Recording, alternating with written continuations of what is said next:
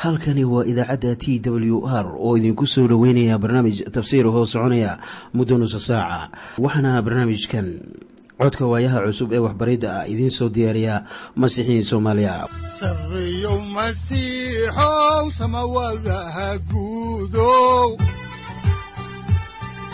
Siraadkii adduunkow subanaha eebow sareeyo masiixow samawadaha guudow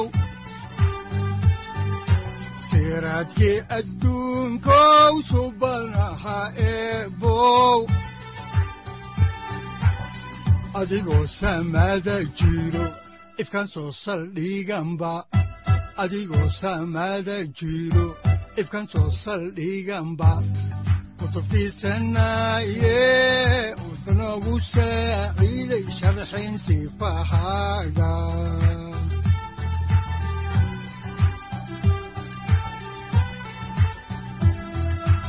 kutubtiisinaayo ebnagu saaciid sharxin sifahaaga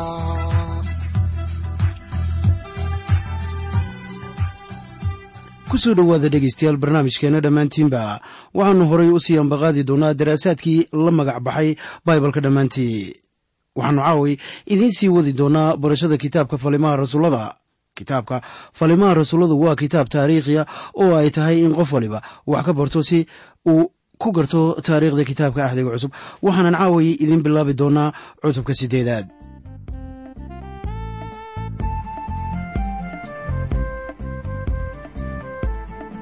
علي بالمسيح أكو حمدي بيت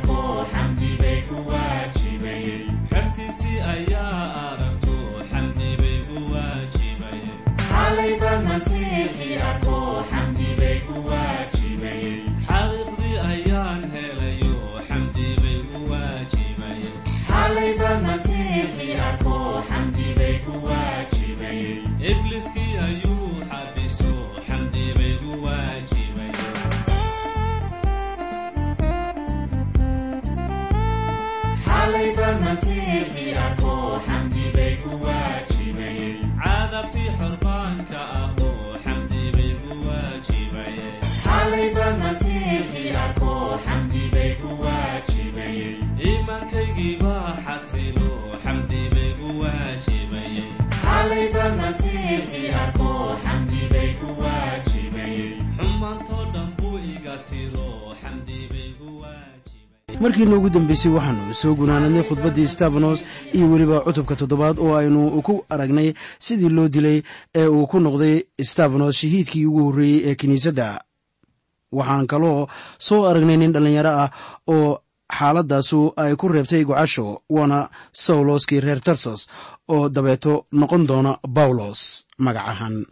Haatanse cutubka ina horyaalo ah kan sideedaad ayaannu ku bilaabaynaa mawduuciisa oo ah toobadkeenkii bohankii reer etoobiya oo ahaa wiilkii xam waxaannu haatan soo gaarnay meel weyn oo kitaabka falimaha rasuulladu uu ku kala qaybsamayo.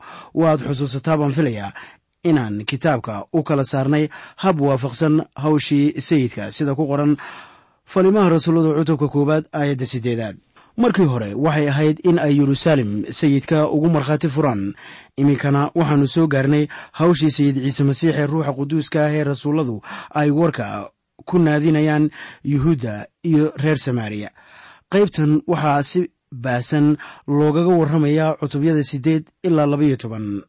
Cutubkii toddobaad waxa uu ku soo xirmay dhacdo aan caadi ahayn waxaana weeye labadii nin ee kala ahaa stabanos oo qisadiisii ay soo xirmaysay iyo sawlos oo qisadiisu ay bilaabanayso.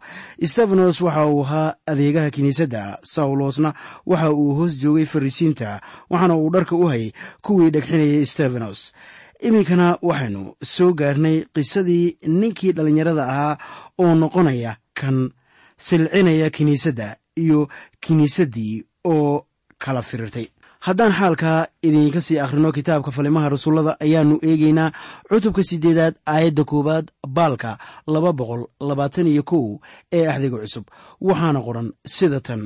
Sawlosna raalli buu ka ahaa diliddiisa oo maalintaa kiniisaddii yeruusaalem ku tiil aad baa loo silciyey. Oo dhammaantoodna rasuulladii mooyaane waxa ay ku kala firdheen dalalka yuhuudiya iyo samaariya haddaba sawlos ayaa hormood u ahaa xasuuqii stabanos waxaana u ahaa nin dhiiro gelinayey kuwii falka samaynayey iminka nin dhallinyaro ah waa sawloskii reer tarsos eh ayaa waxa uu la yaabay markii uu arkay wejigii stabanos stabanos waxa uu eegayey samada waxaana u arkay wiilka aadanaha oo taagan gacanta midig ee ilaah markaasaa sida abbaarta sawlos eegay cirka laakiin waxba ma aanu arki karin. Waxaase uu jeclaan lahaa sida abbaarta inuu arko. Wuuna arki doonaa waxyar kadib. Waxaa ninkaasu arkay. Waxaan rumaysanahay in stabanos ahaa kii u diyaariyey sawlos muuqashada sayid ciise masiix ugu muuqday markii uu ku joogay waddada dimashaq sawlos waxa uu noqday kan ugu weyn kuwa kiniisadda silcinaya. Waxa haddaba taasu ay keentay in kiniisaddu kala yaacdo. Sida daacadda waxa uu kiniisadda u sameeyey axsaan waayo markii hore yeruusaalem bay wada joogi jireen oo ilama ahan inay halkaa ka tegi lahaayeen. Haddaanu sawloskii reer tarsos kala eryin haddaba yuhuudiya iyo samaariya ayaa ahayd dhulkii kale oo sayidku kala ballamay inay galaan. Yahuudiya waa dhulka ku wareegsan yeruusaalem samaariyana waxa ay ku taallaa waqooyiga yeruusaalem haddaan eegno aayadda labaad ee cutubkan siddeedaad ayaa waxaa qoran sida tan. Markaasaa niman cibaado leh stabanos aaseen oo aad ugu baroorteen. Waxaan jeclaan lahaa inaan ka faalloodo aaska masiixiyiinta. Waxaa haddaba su'aalo layska weydiiyaa inay hagaagsan tahay ama ay khalad tahay aaska qofka la gubayo. Waxaa jira kuwo badan oo guba meydka oo welibana masiixiyiina. Markii aad baibalka eegto siba aayaddan waxaannu ku arkaynaa fariin sheegaysa sida qofka loo aasayo ee habboon. Habase yeeshee aaska masiixiyiinta waxaa lagu matalaa sida midh la beerayo. Dhulka ayaa waxaa la dhigayaa jirkii oo iswata oo la siixinayaa ilaa iyo wakhtiga sare kicidda dhimashada. Haddaba maahan in midhta la beerayo la gubo intaan la beerin ka hor. Markaana maahan in qof aad gubto ee waa in aad si quman u aasto. Waxa ay ku wanaagsan tahay in la ysku aaso sida soomaaliduba isku aasto waxa ay tahay inay jirto rumaysad ah in jirkaasu mar uun ka soo sara kici doono dhimashada. Waxaa shakila-ana in jirkii stabanos si xun loo burburiyey laakiin nimankii cibaadada lahaa ayaa qaaday oo si wanaagsan oo asturan u aasay wuxuuna soo hor istaagay ciise oo ku sugaya jannada. Waxaa bawlos oo dhiiro gelinaya masiixiyiintu uu leeyahay sida ku qoran warqaddii koowaad ee reer korintos. Cutubka shan iyo tobnaad aayadaha labiyo afartan ilaa afar iyo afartan ee baalka saddex boqol koob iyo toban ee axdiga cusub. Waxaana qoran sida tan sarakicidda kuwii dhintayna waa sidaa oo kale. Waxaa lagu beeraa qurun waxaana lagu sara kiciyaa qurun la'aan. Waxaa lagu beeraa maamuus la'aan waxaana lagu sara kiciyaa ammaan. Waxaa lagu beeraa itaaldarro waxaana lagu sara kiciyaa xoog. Waxaa la beeraa jir naf leh waxaana la sara kiciyaa jir ruux leh hadduu jiro jir naf leh jir ruux lehina waa jiraa. Halkan haddaba kuma qorna in jirka la gubo. Habase yeeshee innagu waynu garanaynaa in soomaalidu ayan meydka gubin sida hindida qaar iyo weliba qolooyinka reer galbeedka qaarkood. Waxaanse is leeyahay waxaa jiro kuwo ilbaxay oo ay la tahay in jirka haddii la gubo iyo haddaan la gubin ay isugu mid tahay qofka marba hadduu dhinto. Haddaba waanadaas waxaa leh kuwa ilbaxay ee fikradda kilimeshinka ama gubniinka jirka aaminsan. Haddaan horay idinku sii wadno xigashada kitaabka ayaannu eegaynaa kitaabka falimaha rasuullada cutubka siddeedaad aayadda saddexaad waxaana qoran sida tan laakiin sawlos aad buu kiniisadda u rafaadiyey oo intuu guri walba galay ayaa uu rag iyo dumarba ka soo jiiday oo xabsi ku riday. Haddaba waxaan jeclaan lahaa in mar waliba aa garataan in sawloskan uu yahay bawlos oo aannu arki doonno sanadadiisa dambe sida uu kiniisadda u dhisi doono.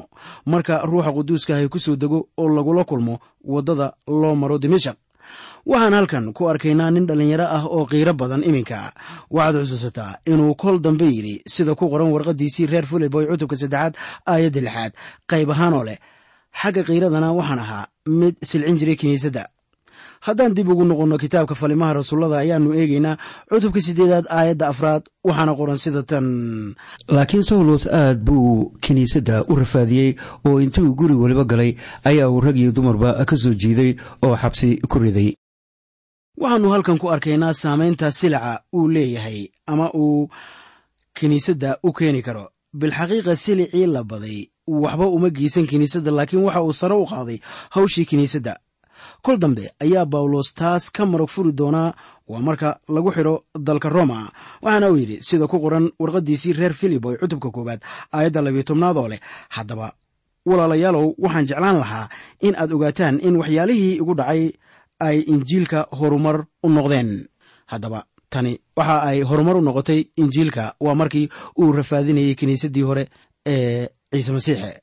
Haddaba anigu ma rumaysnay in kiniisadaha laga dhaawici karo bannaanka.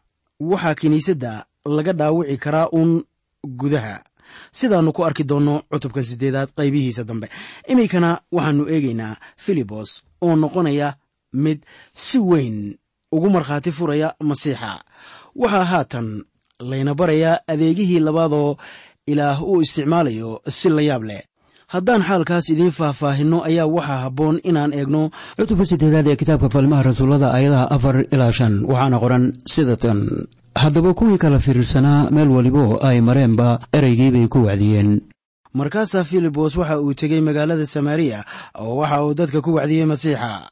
Sayid ciise waxa uu yidhi waa in rasuulladu ay isaga ugu markhaati furaan yeruusaalem yahuudiya iyo samaariya iminka waxaa hadalkii uu ku faafay samaariya haddaan eegno aayaddii lixaad ee cutubka siddeedaad ayaa waxaa ku qoran sida tan. Oo dadkii badnaa iyaga oo isku wada qalbi ah ayaa ay dhegaysteen wuxuu filibos ku hadlay. Markay waxyaalahaas maqleen oo arkeen calaamooyinkuu sameeyey. Filibos waxa uu lahaa hadiyadda calaamooyinka ee ay lahaayeen rasuulladii iyo adeegayaashii kiniisaddii ugu horreysay. Habase yeeshee hadiyadda lama siinin xubnaha oo dhan ee waxaa lahaa kuwa jagooyinka madaxtinimada ahaya oo dunida gaarsiiya hadalka. Waxaa haddaba dhacday in hadiyaddii mucjisooyinka la waayey.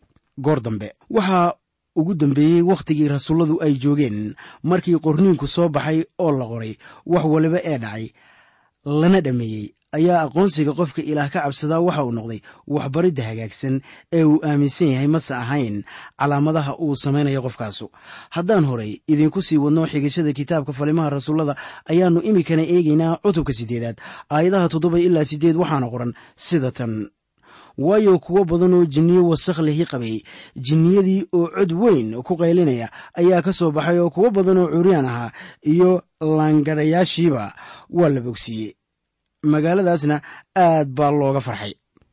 Haddaba injiilku waxa uu soo gaaray samaariya aad baa looga soo dhoweeyey samaariya oo meel waliba oo ay tageen farxad baa lagu qaabilay. Iminkana kiniisaddu si xawli badan bay u kordhaysaa. Inkastoo ay dadkaas u ahaayeen kuwo aan rumaysad lahayn haatan waxa ay yeelanayaan rumaysad ama iimaan. Waxaannu iminkana arkaynaa shakhsi ka mid a kuwa aan waxba rumaysnayn. Si bal aynu xaalkaa wax kaga ogaanno ayaannu eegaynaa cutubka siddeedaad aayadda sagaalaad ee kitaabka falimaha rasuullada waxaana qoran sida tan. Waxaa jiray nin simon la odhan jiray oo markii hore magaalada wax ku sixri jiray oo dadka reer samaariya ka yaabin jiray isaga oo isugu sheegaya in uu yahay nin weyn. Haddaba waxa uu isku sheegayaa inuu yahay nin weyn waxaan haddaba arkaynaa dad badan oo la mid ah kuwaas maanta. Haddii qof sheegto inuu yahay nin dadka bogsiiya ayaa uu dadka intiisa kale iska soocaya. Dadka qaar baa waxa ay odhan karaan kuwa dadka bogsiiya waa niman is-hoosaysiin badan. Waxaa markaa kuwa la mida markaan eegno soomaalida kuwa jinniyada saara oo yidhaahda innagu waxaanu leenahay awood aynu ku saaro jinniyada. Iyaga oo tafaaful iyo samaynaya sixiro kale. Waxaana aan had iyo goorba aragnaa in kuwa ay yidhaahdaan waynu bogsiinaa ay weli sii jiran yihiin ilaa ay ka dhintaan. Habase yeeshee ku arki maysid wax is-hoosaysiin ah markii aad timaaddo meelaha ay shayddaanka ku saarayaan oo ay leeyihiin hablaha ayaannu ku bogsiinaynaa waxaana uu isku sheegayaa qofkaasi inuu yahay nin weyn sidii simoon kiisii xorowga ahaaba uu samaynayey ama sheeganayay haddaan horay idinku sii wadno xigashada kitaabka ayaannu horay idinku sii wadi doonnaa kitaabka falimaha rasuullada cutubka sideedaad aayadaha toban ilaa koob iyo toban waxaana qoran sida tan.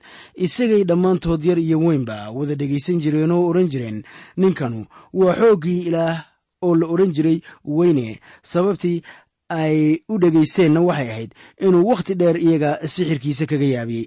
Haddaba dadkanu waxa ay dareensanaayeen in simoonkii sixirowga ahaa uu la mid ahaa ilaah. Inkastaanu ilaah la mid ahayn. Isla sida uu dadka ku samayn jiray ayaa waxaa maanta dhacda in dad badan la sixro. Saaxiib yaanu ninna kugu sixrin awood isaga uu leeyahay. Xataa haddii aad aragtaan in hadallada ilaah uu dadka barayo oo awood u leeyahay yaanay idinla noqon in ninkaasu leeyahay awoodda waxaad haddaba daristaa waxa hadallada ilaah leeyihiin balse aad ku ogaato waxa ninkanu leeyahay inay saxiix yihiin iyo in kale. Ilaah u soo jeeso isaguna wuxuu iftiimin doonaa waddooyinkaaga. Markii aynu dadka indhaha ku taagno waxaannu indhaheenna ka soo jeedinaynaa ciise masiix. Waxyaabaha caynkan oo kalea ayaa ka dhacaya haatan samaariya. Haddaannu hore idinku sii wadno xigashada kitaabka ayaannu haatanna eegaynaa cutubka siddeedaad aayadda labayo tobanaad waxaana qoran sida tan laakiin markay rumaysteen injiilka boqortooyada ilaah iyo magaca ciise masiix oo filibos ku wacdiyey ayaa iyaga rag iyo dumarba la baabtiisay haddaba filibos waxa uu injiilka ku wacdiyey samaariya oo rag iyo dumar badan baa rumaystay hadalkii.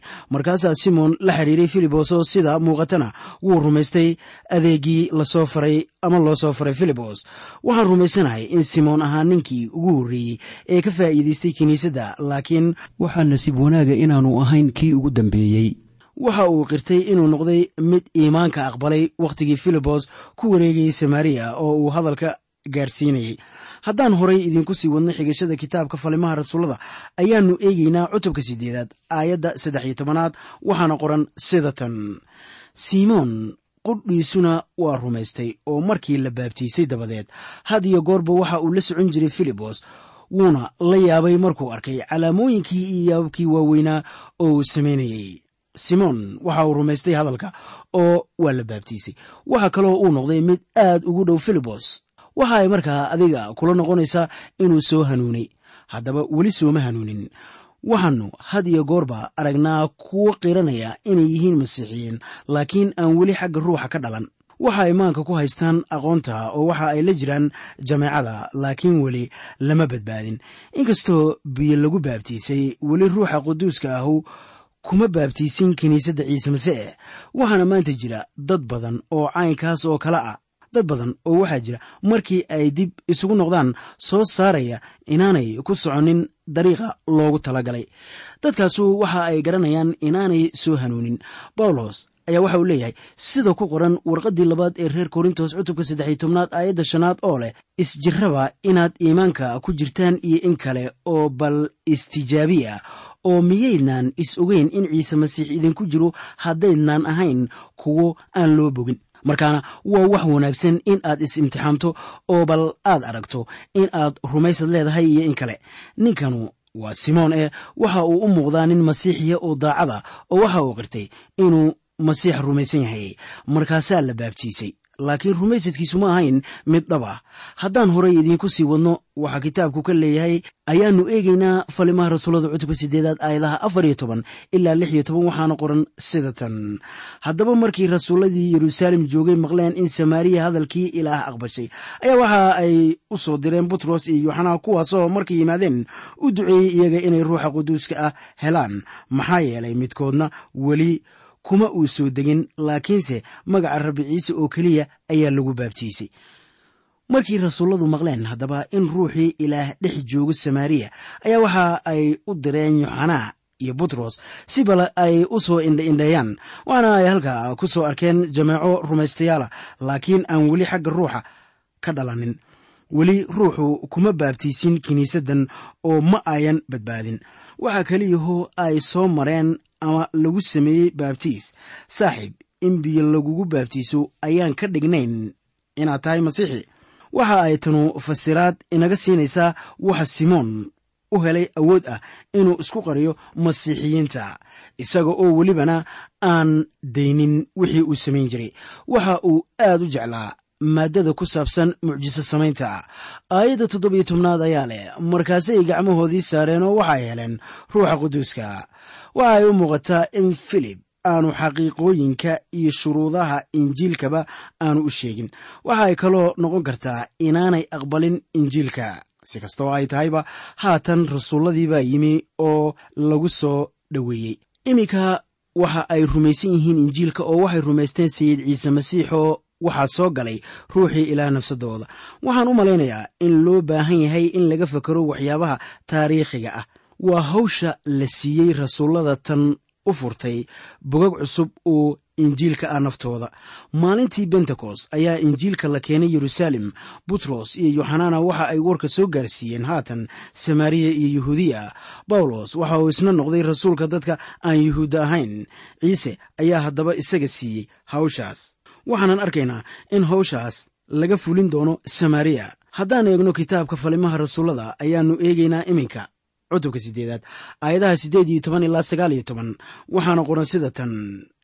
Haddaba simoon markuu arkay in markii rasuulladii gacmahooda saareen la siiyey ruuxa quduuska ayuu lacag u taagay. Isaga oo leh anigana isiiya xooggan in nin kastoo aan gacmaha iga saaraba uu helo ruuxa quduuska ah. Simoon waxa uu doonayaa inuu helo hadiyadda. Waa maxay sababtu? Waa hagaag. Ninkanu waxa uu ahaa mid ka faa'iidaysta diimaha oo waxa uu doonayaa inuu lacag ku helo war maxay tiro badan yihiin kuwa lacagta ku raadiyey injiilka? Haddaba waxaan idinku leeyahay silic dibadda ka yimi kiniisadda dhaawici maayo. Wuxuuse keenayaa in rumaystayaashu ay kala yaacaan waxaana taasu keenaysaa in injiilku sii faafo. Waxaa kiniisadda dhaawaca waxa weeye kuwa jameecada ka midka ah ee haddana dagaalka ka dhex wada rumaystayaasha dhexdooda. Waxaa la mid ahaa sidii lagu qabtay sayid ciise masiix waxaana gacan geliyey nin ka tirsanaa laba iyo tobankii oo waxa uu u dhiibay madaxdii dadka. Madaxdii dadkuna waxay u gacan geliyeen reer rooma. Reer roomana way qodbeen. Welibana maanta waxaa kiniisadda laga nabarayn karayaa gudaha markaana markii shayddaanku damco inuu kiniisadda kala dagaalamo bannaanka ayaa uu garanayaa intaasu ay dhib badan tahay oo waxaa taasu keenaysaa waxa weeye in hadalku faafo markuu taa garto ayaa uu shayddaanku dagaalka gudaha ka soo qaadaya. Waa meeshaas halka uu dhibku ka imanayo waxaana jira kuwo badan oo taa ka marag furaya. Haddaan horey idinku sii wadno xigashada kitaabka ayaannu eegaynaa cutubka siddeedaad aayadaha labaatan ilaa koob iyo labaatan waxaana qoran sida tan laakiin butros baa waxa uu ku yidhi lacagtaada ha kula baaba'do. Maxaa yeelay waxaad u malaysay in hadiyadda ilaah lacag lagu helo. Xaalkan kuma lihid ama qayb ama badh. Maxaa yeelay qalbigaagu ilaa hortii kuma qumana. Taasina waa sababta aynu horey idinku sheegnay in ninkanu aanu weli toobad keenin. Simon butros ayaa u sheegaya ninkan in qalbigiisu aanu ilaah raacin oo uusan hanuunin. Tan keliya ee uu xiisaynayana waxay ahayd lacagta uu helayo taa ayaa muhiim u ah ninkan. Haddaan horey idinku sii wadno ayaa waxaa ku qoran kitaabka falimaha rasuullada cutubka sideedaad aayadaha labaiyo labaatan ilaa afar labaatan sida tan. Sidaa aawadeed xumaantaadan ka toobadkeen rabbigana ka bari in fikirka qalbigaaga laga cafiyo. Waayo waxaan arkaa adiga oo ku jira xamiitida qaraarnimada. Kuna xihan xaqdarrada. Markaasaa simoon u jawaabay oo waxa uu ku yidhi rabbiga ii barya inaan waxyaalahaas aad ku hadasheen midkoodna igu dhicin simoonkii siixirowga ahaa ma uusan weydiisan in la badbaadiyo mana weydiisanin in nabaadiinadiisa aawadeed loogu duceeyo waxaase uu weydiistay oo keliya in waxyaabaha xun ee lagaga hadlay aanay ku dhicin. Haddaba garan mayno in ninkanu masiixii noqday ama inaanu noqon. Haddaan horay idiinku sii wadno xigashada kitaabka ayaanu eegaynaa cutubka sideedaad aayadda shan iyo labaatanaad waxaana qoran sida tan. Haddaba iyagu markii ay marag fureen oo rabbiga hadalkiisii ku hadleen waxa ay ku noqdeen yeruusaalem waxayna tuulooyin badan oo reer samaariye ah ku wacdiyeen injiilka. Waxaan intaa ku soo ekeynaynaa casharkeennii caawa oo aan hubo in aad barako weyn ka hesheen garateenna waxyaabaha rabbigu u sameeyo dadkiisa inaanay ku imanin ama lagu helin lacag. Waxaan habeenka xiga halkiisii idinka sii wadi doonnaa kitaabkan qaayaha weyn leh ee falimaha rasuullada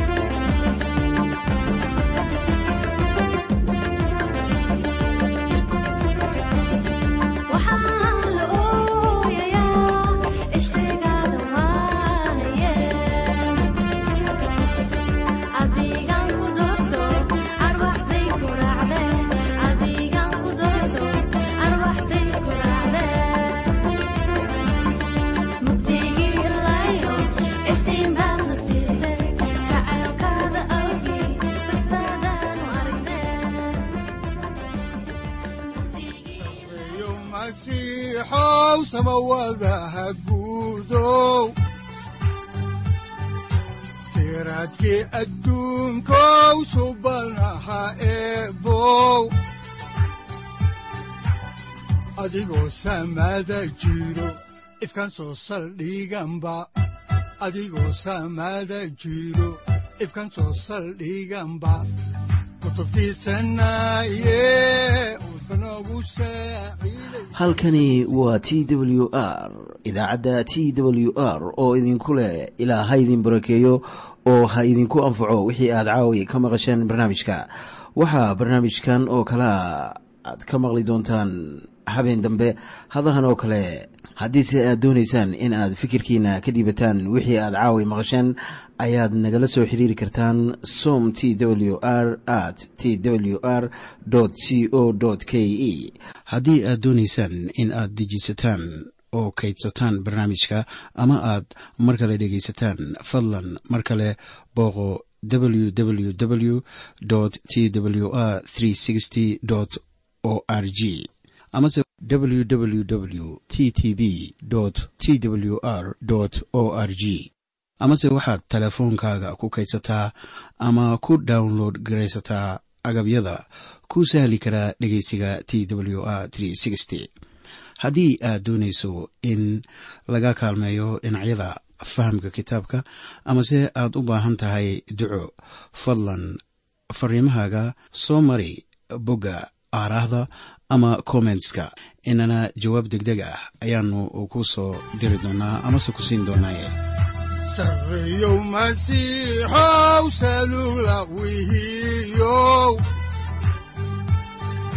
saacadda timid dhulka sabada ku dhalatiyo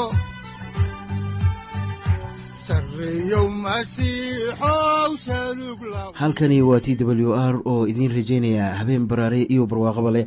Inta aynu ka gaari doono wakhti aynu ku kulanno barnaamij la mida kan caawayay aad maqasheen. Waxa aan idinku leeyahay nabadda ciise masiix ha idinku badato xagga jirka iyo ruuxaba. Aamiin